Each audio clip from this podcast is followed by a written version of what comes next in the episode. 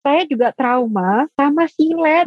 kan dibilangnya kan Gerwani itu melukai para jenderal dengan menggunakan silet. Sampai kalau ayah saya dulu mau cukur, itu sampai nangis-nangis. Tolong dong, jangan pakai silet. Tolong dong, nanti dikira PKI. Oh iya, bertahun-tahun.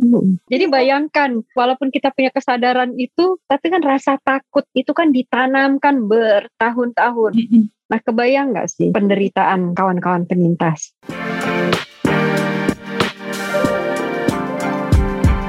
Hai sahabat TCID, kalian sedang mendengarkan podcast Suara Akademia, ngobrol seru isu terkini bareng akademisi.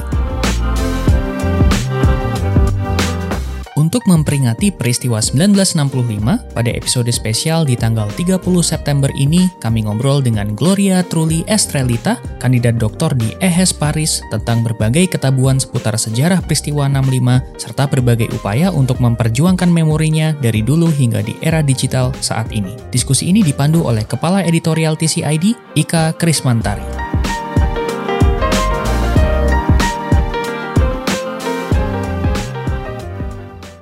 Sobat TCID, jumpa lagi dalam episode Suara Akademia, ngobrol seru isu terkini bareng akademisi.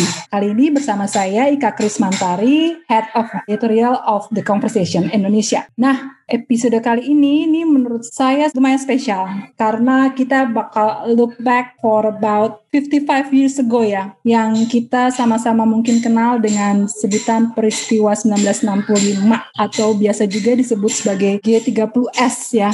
Nah, di sini kita ingin bahas tentang peristiwa itu karena sampai sekarang juga masih belum jelas ini peristiwa ini seperti apa, siapa pelakunya, kalaupun memang ada tapi belum juga dihukum ya, quote unquote dan juga banyak sekali penyintas yang masih berjuang hingga sampai sekarang untuk memperjuangkan hak-hak mereka. Dan di sini telah hadir bersama saya Gloria Truli Estrelita, seorang PhD kandidat di Pusat Studi Kajian Asia Tenggara di EHES Paris. Dan Truli ini risetnya menarik banget, pernah diterbitkan beberapa waktu yang lalu di The Conversation tentang peran gereja Katolik dalam peristiwa itu. Tapi di sini kita akan ngobrol lebih luas tentang apa sih yang terjadi tahun 1965 ketika itu dan apa sih yang membuatnya penting untuk kita bicarakan sampai detik ini ya. Terima kasih ya Ika, terima kasih juga kawan-kawan di The Conversation sudah mengundang saya hari ini. Memang ini topik yang kayaknya setiap tahun kita bicarakan dan kita melihat perkembangannya itu tidak banyak berubah ya kak ya. Kenapa sih ini penting? Ya ini juga pertanyaan yang menarik ya untuk kita bahas di sini. Tapi pertama saya juga ingin bahas dulu apa sih peristiwa 1965 ini? Mungkin kan di sini ada kawan-kawan yang belum tahu ya. Apalagi kan kebanyakan juga mungkin generasi sekarang kan lahirnya jauh setelah itu ya. Dan kita tahu selama pemerintahan Orde Baru sejarah Indonesia itu kan didominasi oleh satu rezim ya kak ya. ya. Jadi seperti ada dalam tanda kutip missing link begitu kan dalam sejarah sejarah kita. Dan ternyata versi yang dibentuk oleh rezim Orde Baru itu masih diteruskan sampai sekarang, diwariskan sampai sekarang begitu. Saya pernah dengar acara diskusinya Pak Asfi Warman Adam. Pak Asfi Warman Adam ini salah satu sejarawan di Indonesia. Beliau juga peneliti di LIPI, Pusat Penelitian di Indonesia. Atau sekarang namanya udah ganti ya, jadi BRIN ya, atau apa ya? Nah, dia salah satu yang memperjuangkan juga ya untuk membuka peristiwa 65 itu sebenarnya apa sih yang terjadi gitu kan ya? Betul, beliau banyak melakukan penelitian juga terkait peristiwa 65. Juga beliau ini sebetulnya senior saya di EHE. Nah, Pak Asfi tuh bilang, kalau kita bicara soal peristiwa 65, sebetulnya itu perlu kita bagi A dan B. A itu adalah pembunuhan para enam jenderal. Ya, benar. Nah, kalau cerita yang ini kan kita tahu ya. Tahu, ada filmnya. Hmm, ada filmnya bahkan. Nah, kemudian kalau yang B ini adalah berikutnya apa yang terjadi setelah pembunuhan enam jenderal ini, yaitu adanya penangkapan massal, pembunuhan massal, begitu. Kemudian juga ketika kita bilang penangkapan, ini juga termasuk penahanan, ada pembuangan juga, begitu kan. Jadi menarik di sini bagaimana ada A dan B, begitu. Nah, yang kita bahas di sini adalah yang B. Setelah pembunuhan para enam jenderal itu terjadi, kemudian PKI dituduh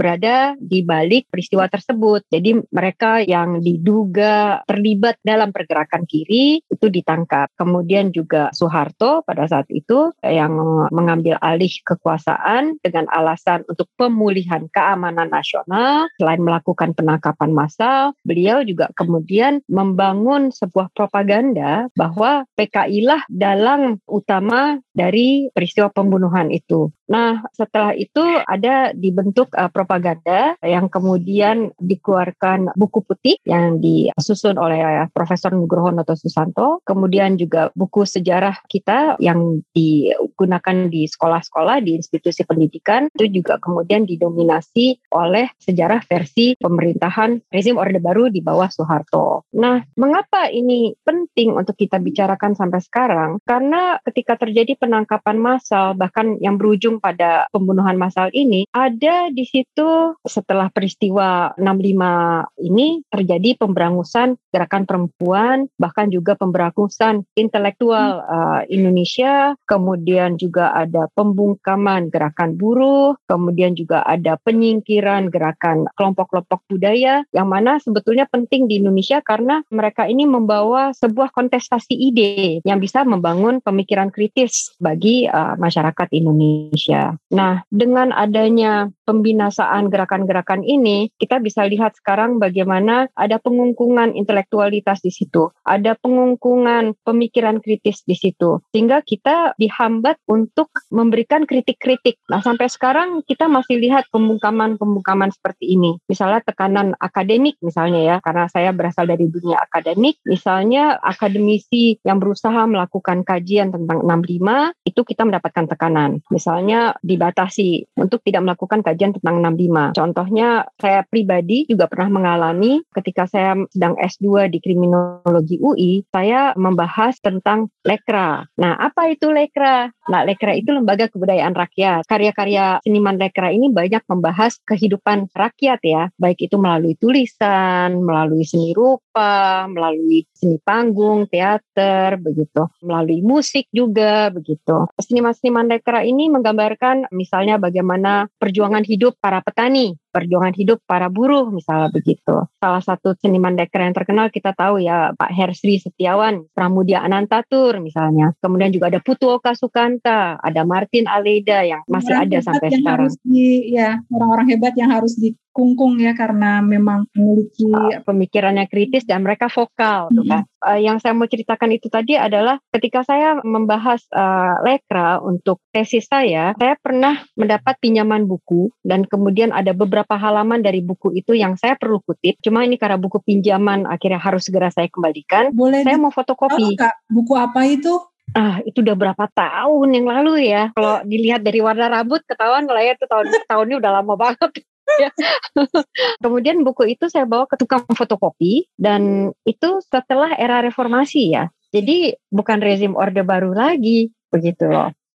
Jadi saya pikir nggak ada yang salah dengan topik saya. Saya pikir dengan adanya reformasi kita sudah lebih terbuka, kita sudah lebih bebas, tekanan itu sudah tidak ada lagi. Dan buku itu lebih menceritakan mengenai seni begitu loh. Hmm. Jadi saya pikir juga tidak ada yang perlu ditabukan dari isi buku itu begitu. Ketika saya bawa ke tukang fotokopi, saya minta di fotokopi halaman yang saya butuhkan. Cuma karena harus ditinggal ya saya tinggal gitu. Nah Terus? kemudian saya dapat telepon, tolong cepat diambil. Cuma waktu itu karena saya nggak sempat, ya sudah saya baru bisa ambil keesokan harinya begitu. Nah ketika saya ke tukang fotokopi untuk ambil fotokopiannya, dibilangnya bukunya nggak ada. Oh my god! Nggak berhenti di situ kak yang bikin kaget tiba-tiba muncul satu orang yang saya nggak pernah lihat di tempat fotokopi itu. Itu kan tempat fotokopi kecil ya. Dekat kampus waktu itu. Dekat kampus, uh, benar-benar tempat fotokopi kecil gitu loh. Jadi saya udah terbiasa fotokopi di situ, udah tahu orang-orangnya. Kok tiba-tiba muncul orang yang saya nggak pernah lihat, tinggi, tegap gitu kan. Terus marah-marah, nanya kenapa saya baca buku itu, dapat oh, dari mana buku oh, itu. Oh my God. Terus saya bilang saya fotokopi, kenapa baru kali ini saya ditanya-tanya begitu kan? Ya itu bukunya soalnya udah saya bakar,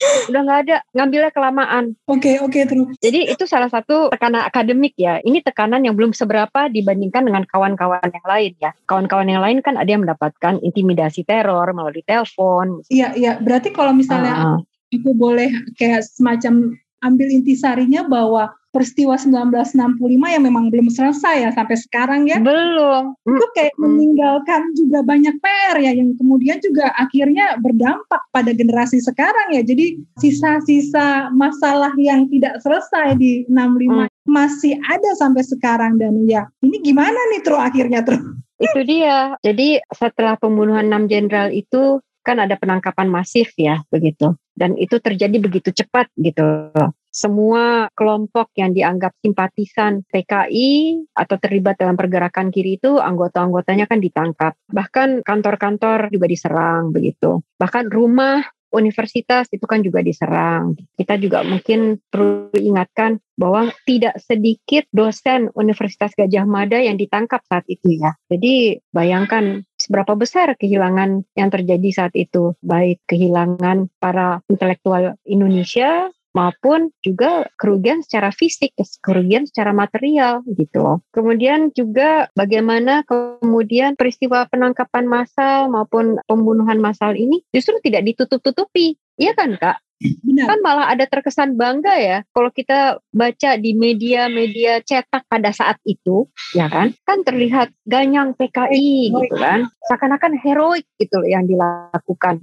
Selain itu juga propaganda ini seakan-akan mendorong kelompok-kelompok dalam masyarakat untuk melakukan aksinya sendiri begitu. Jadi penguasa saat itu seakan-akan berusaha membersihkan tangannya gitu dan menggunakan kelompok-kelompok dalam masyarakat untuk saling bantai seakan-akan gitu. Makanya kan selalu dibilangnya ini konflik horizontal. Jadi kekerasan yang 1965 karena tidak selesai itu akhirnya kayak uh, beranak cucu gitu sampai sekarang kayak kalau dirunut ya kayak mm peristiwa kekerasan 98 itu kalau di dirunut ada hubungannya gitu 1965 juga gitu. Jadi kekerasan-kekerasan lain tuh bisa saja muncul gitu karena kekerasan-kekerasan yang lama tidak selesai juga gitu. Iya, kayak sekarang kan muncul lagi isu misalnya gini. Oh iya, uh, misalnya ada ketidaksetujuan gitu dia PKI atau kalau ada apa-apa ada kelompok yang melakukan protes gitu kan. Dibilangnya oh itu kelompok komunis tuh KGB komunis gaya baru begitu kan. Gampang sekali gitu loh stigma-stigma itu kemudian dilekatkan kembali untuk kemudian ada alasan untuk disenyapkan gitu. Iya iya jadi terlepas hmm. tadi mungkin tambahan bahwa dampaknya kemudian ada pengekangan-pengekangan yang kemudian terus-terusan terjadi, tapi juga ada kemungkinan terjadinya kekerasan-kekerasan baru gitu nanti di masa depan ya. Kalau misalnya kita tidak menyelesaikan peristiwa 1965, mungkin itu mengapa kemudian ya menyelesaikan 1965 peristiwa 1965 itu penting sekali. Seperti itu kali itu ya. Iya, betul. Soalnya kalau enggak ya seakan-akan jadinya setiap kali kita mau melakukan kritik atau apa dibilangnya kiri begitu atau dibilangnya komunis gitu. Akhirnya kebebasan berekspresi itu jadinya diredam gitu. Diredam lagi pemikiran-pemikiran kritis hmm. diredam lagi seperti tahun 1960 ya. kan? Pola-polanya akan terjadi lagi gitu kan ya Tru ya? Iya Mm-mm. mau sampai kapan sih kita kayak begini kita pikir kan setelah reformasi kita akan lebih bisa menikmati demokrasi dalam arti sesungguhnya hmm. begitu ya. Ternyata tidak gitu loh untuk untuk hal-hal tertentu kita masih dibatasi. Ketika kita berbicara saat ini ya, tadi kan asumsinya bahwa memang reformasi kebebasan sudah mulai ada gitu, tapi ternyata tidak. Tapi kemudian ada mungkin satu gebrakan ya yang hmm. saya pikir lumayan bisa mengubah konstelasi yang ada saat sebelumnya berkuasa gitu yaitu teknologi internet. Gimana -uh. kemudian ya dulu kendali pemerintah kan memang luar biasa ya. Mereka bisa bisa mengontrol semuanya. Tapi ketika berhadapan dengan teknologi kayaknya I think they have kesulitan gitu. Dan ini bisa dilihat kan sebenarnya banyak gerakan-gerakan yang cukup kritis dan cukup menyuarakan gitu kan ya. Mungkin yang paling prominent adalah yang kalem jagal itu ya itu kan yeah. cukup membuka mm -hmm. mata kan sebenarnya bahwa semua mm -hmm. bisa menontonnya lewat YouTube gitu kan ya meskipun mm -hmm. direktornya akhirnya nggak boleh datang ke Indonesia sampai saat ini ya itu gimana menurut uh, Trulis sendiri tentang peran teknologi sendiri ya sebenarnya untuk kemudian membuka mata terlebih untuk generasi muda saat ini tentang apa sih yang terjadi dan apa sih yang bisa dilakukan gitu. Ya memang dengan berjalannya waktu teknologi juga berkembang. Kemudian sekarang kita punya dua dunia, dunia offline dan dunia online begitu ya. Kalau dulu misalnya acara uh, diskusi atau kajian soal 65 itu mendapatkan tekanan bahkan juga penyerangan begitu ya. Seperti yang terjadi di YLBHI pada tahun 2017 misalnya gitu gitu. Atau razia buku kiri tahun 2019 gitu kan. Bawa buku warna merah hati-hati ya. Sekarang itu apalagi setelah pandemi ya, seakan berpindah gitu loh mediumnya. Yang tadinya di dunia fisik kemudian beralih ke dunia maya gitu. Dan saya melihat ini kok asyik ya, ada berbagai macam bentuk, semakin banyak kelompok-kelompok yang lahir untuk membahas secara akademik, bisa membahas secara seni begitu ya, bahkan membahas ya kayak tukar pikiran gitu loh. Ada narasi-narasi yang berdialog di situ gitu, bahkan antar generasi. Ini yang menarik kan kita berpikir bahwa teknologi itu kan seakan-akan didominasi oleh kaum muda. Enggak juga ternyata. Bahkan kita bisa lihat di dunia online itu ada berbagai usia manusia begitu loh. Dan itu menjadi sebuah melting pot komunitas-komunitas ini begitu. Dan festival yang misalnya contohnya ya kayak Belok Kiri Festival yang juga dulu sempat diserang begitu ya, dihentikan begitu kan. Karena juga ada festival online dan sekarang yang bisa mengikutinya tuh tidak hanya mereka yang di Indonesia, tapi kita yang di luar Indonesia juga bisa mengikuti, bisa ikut terlibat dalam diskusi begitu loh. Ini yang menarik dan menyenangkan ya. Oke, tapi kemudian kan kalau misalnya kita kembali kembali lagi ya kepada mimpi atau kayak uh, target ya para penyintas juga para aktivis itu kan rekonsiliasi dan juga penegakan hukum buat para korban ya. Apakah kemudian yang coba diperbantukan oleh teknologi ini cukup efektif ya? Upaya-upaya yang kemudian menggunakan teknologi ini cukup efektif nggak sih Tru untuk kemudian membantu kita semua untuk menggapai mimpi itu? Ya memang kalau untuk rekonsiliasi saya belum tahu ya sampai kapan ya kita bisa sampai ke situ loh. Tetapi yang kita bisa lihat di sini yang menarik adalah bahwa walaupun dari pihak pemerintah sendiri juga sepertinya belum melangkah ke arah sana, gitu, tetapi ternyata di akar rumput sudah ada upaya-upaya itu. Bahkan rekonsiliasi budaya yang digagas oleh kelompok paduan suara dialita misalnya. Itu itu, itu banget ya, banget iya, ya. betul. Uh, kenapa namanya dialita? Ini juga sebenarnya lucu. Karena kan kebanyakan para penyintas tadinya. Jadi dialita itu di atas 50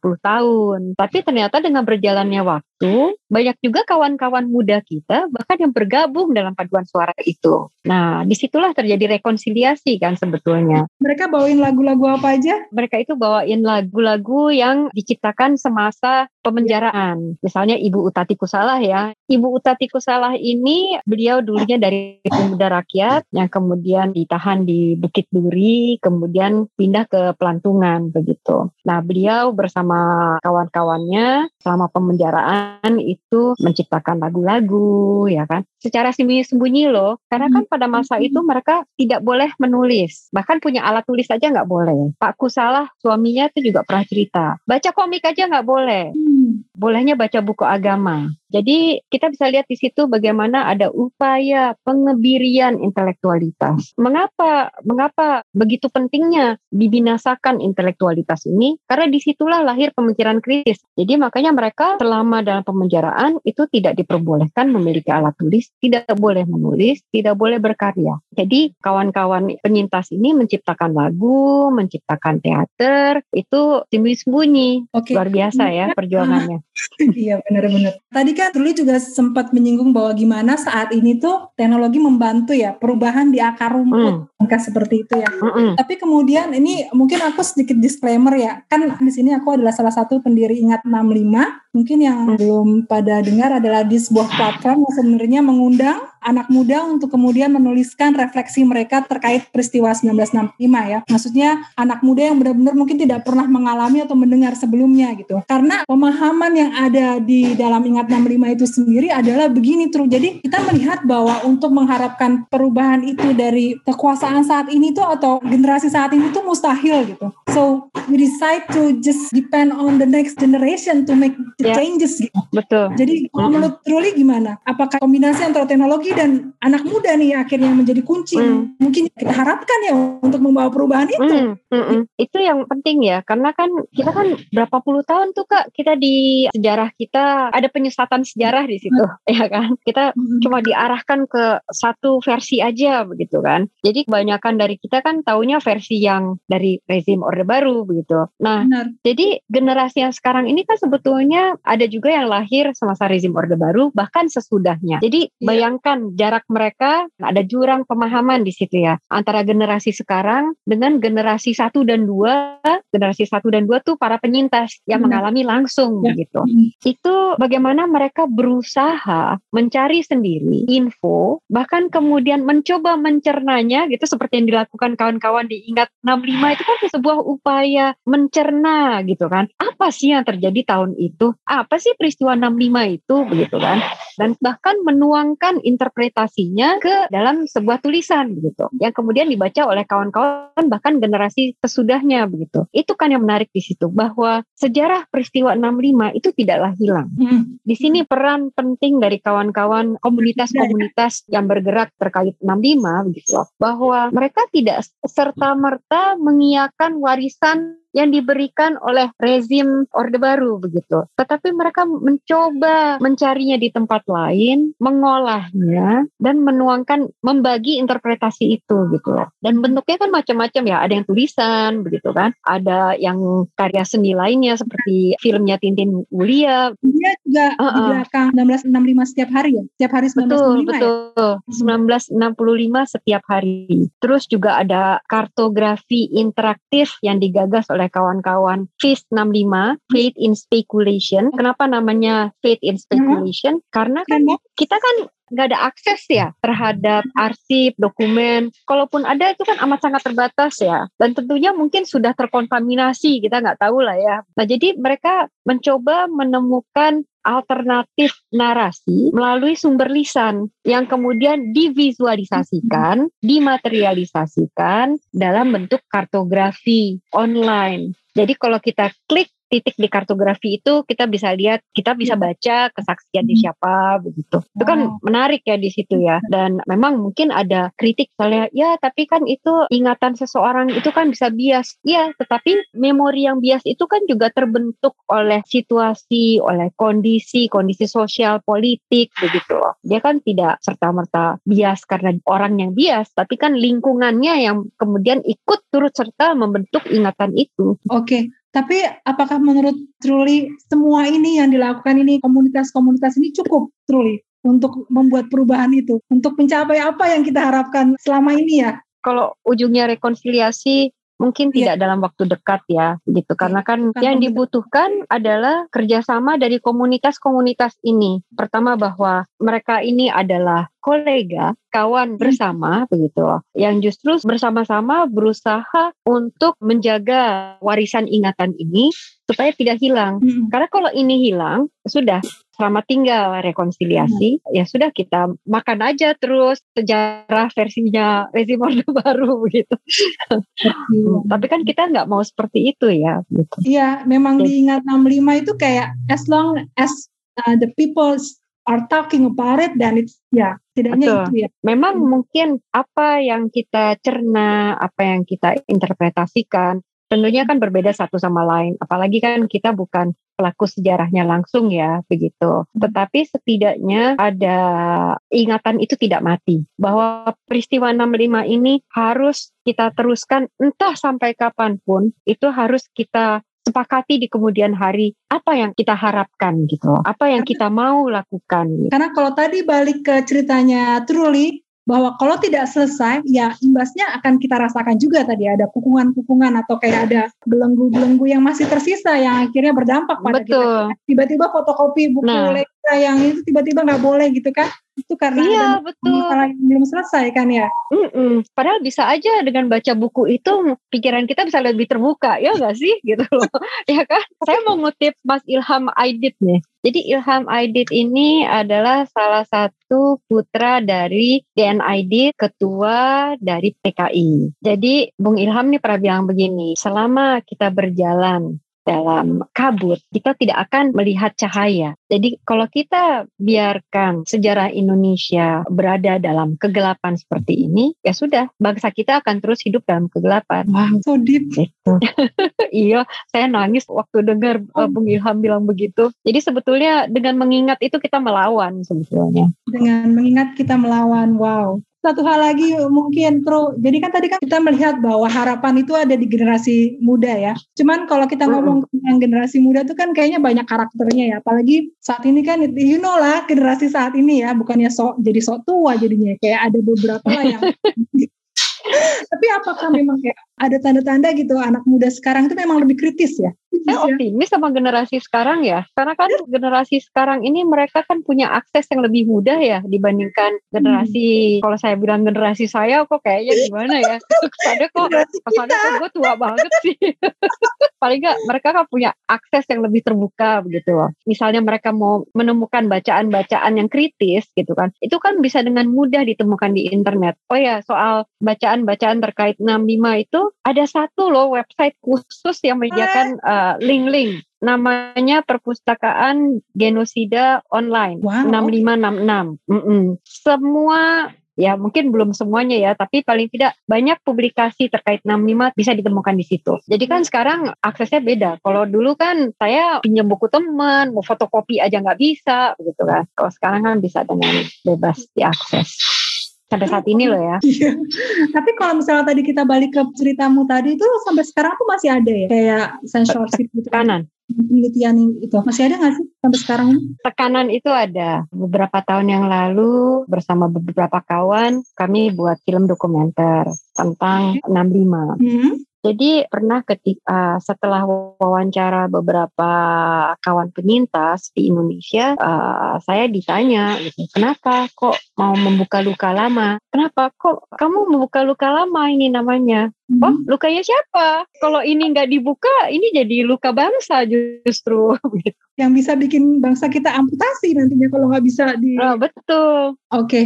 Kemudian harapannya mungkin ya untuk komunitas-komunitas yang mostly anak muda ya, ke depannya tuh seperti apa yang Truly harapkan ya? Dengan mengingat itu berarti kita melawan. Jadi teruslah mengingat. Teruslah ngobrol gitu ya. Terus? Betul. Dan uh, karena memang ada jurang pemahaman atau bahkan pengetahuan akan peristiwa ini ya, kita nggak bicara soal kemampuan intelektualitas seseorang ya, tapi karena ada sejarah kita itu kan didominasi oleh satu versi ya bertahun-tahun. Berarti kan ada versi-versi lain yang kita kan nggak lihat kita nggak tahu hmm. gitu. Jadi ketika generasi sekarang bicara soal peristiwa 65, tentunya kan berbeda dengan mereka yang berhadapan dengan situasi itu sendiri gitu yaitu generasi pertama dan kedua gitu loh. Tapi jangan takut nggak apa-apa, jangan takut untuk tidak tahu. Justru bagus kalau kita menyadari bahwa kita tidak tahu dan kita ingin tahu. Mm -hmm. Jadi kalau misalnya ada pemahaman yang berbeda, itu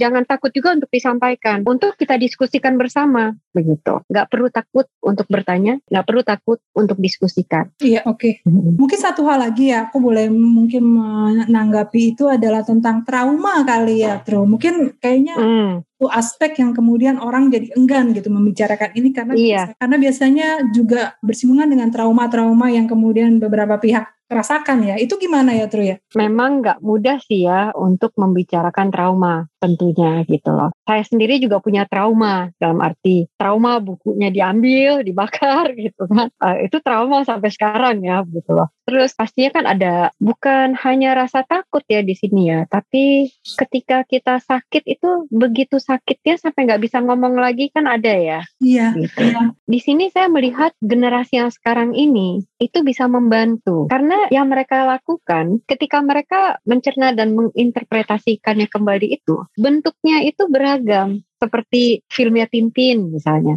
atau film karya studio Maria begitu ya. Atau festival yang belum lama ini oleh Sirin Farid Stevi juga kan menuliskan pesan-pesan di tangga tangga bambu begitu kan. Itu kan tidak menggambarkan kekerasan. Jadi kan tidak membuat takut orang untuk tahu begitu. Karena kan kalau gambarnya serem duluan misalnya kan kita aduh gitu. Ingat gak sih waktu masih kecil harus nonton film G30 SPKI pasti kan bagian itu tiga malam nggak bisa tidur. Aduh dengar musik aja serem saya berapa tahun belum lama sih sembuhnya takut pohon pisang loh. Karena kan dibilangnya orang-orang komunis itu kan ngubur mayat di bawah pohon pisang. Terus saya juga trauma sama silet.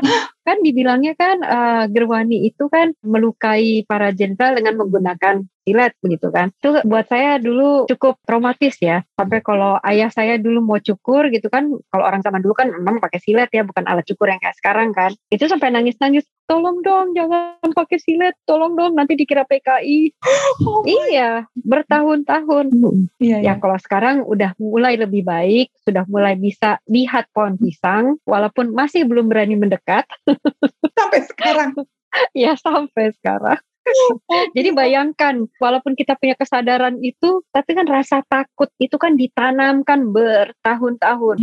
Sampai untuk menghilangkannya itu susah. Nah, kebayang nggak sih penderitaan kawan-kawan penyintas? Tentunya juga tidak mudah bagi mereka. Nah, saya melihat kawan-kawan generasi sekarang ini, mereka membalutnya dengan lembut begitu loh, melalui diskusi, melalui karya seni begitu. Jadi kita bisa lebih memahami sejarah peristiwa 65. Dengan lebih nyaman gitu ya? Dengan lebih nyaman. Jadi nah. menghindari juga terjadinya banalisasi kekerasan. Karena kalau kita disuguhkan yang uh, kekerasan melulu begitu kan yang berdarah-darah, ya tentunya memang ada yang bisa kita pelajari juga ya melalui visual-visual tentang kekerasan gitu loh. Tetapi kalau kita disuguhkan itu terus, justru kan kita akhirnya menjadi terbiasa. Nah itu yang mungkin kita lakukan dengan cara yang lain. Oke, terima kasih sekali Truli. Pembicaranya menarik sekali. Mungkin nanti kita bisa ngobrol-ngobrol lagi ya. Tapi tadi dari pembicaraan selama lebih dari setengah jam mungkin bisa sedikit disimpulkan bagaimana bahwa generasi muda itu menjadi tumpuan ya buat bangsa ini untuk menyelesaikan peristiwa 1965 itu yang masih gelap yang karena kegelapannya itu bisa sebenarnya membawa implikasi buruk buat bangsa ini ya. Implikasinya buat pengekangan pemikiran-pemikiran kritis nanti ke depannya dan kemudian kemungkinan adanya kekerasan-kekerasan baru yang muncul di kian hari. Dan di sini kemudian penting anak muda untuk kemudian ya melakukan perubahan-perubahan. Salah satunya kita sudah lihat tadi ya dengan komunitas yang banyak sekali komunitas-komunitas lakukan dan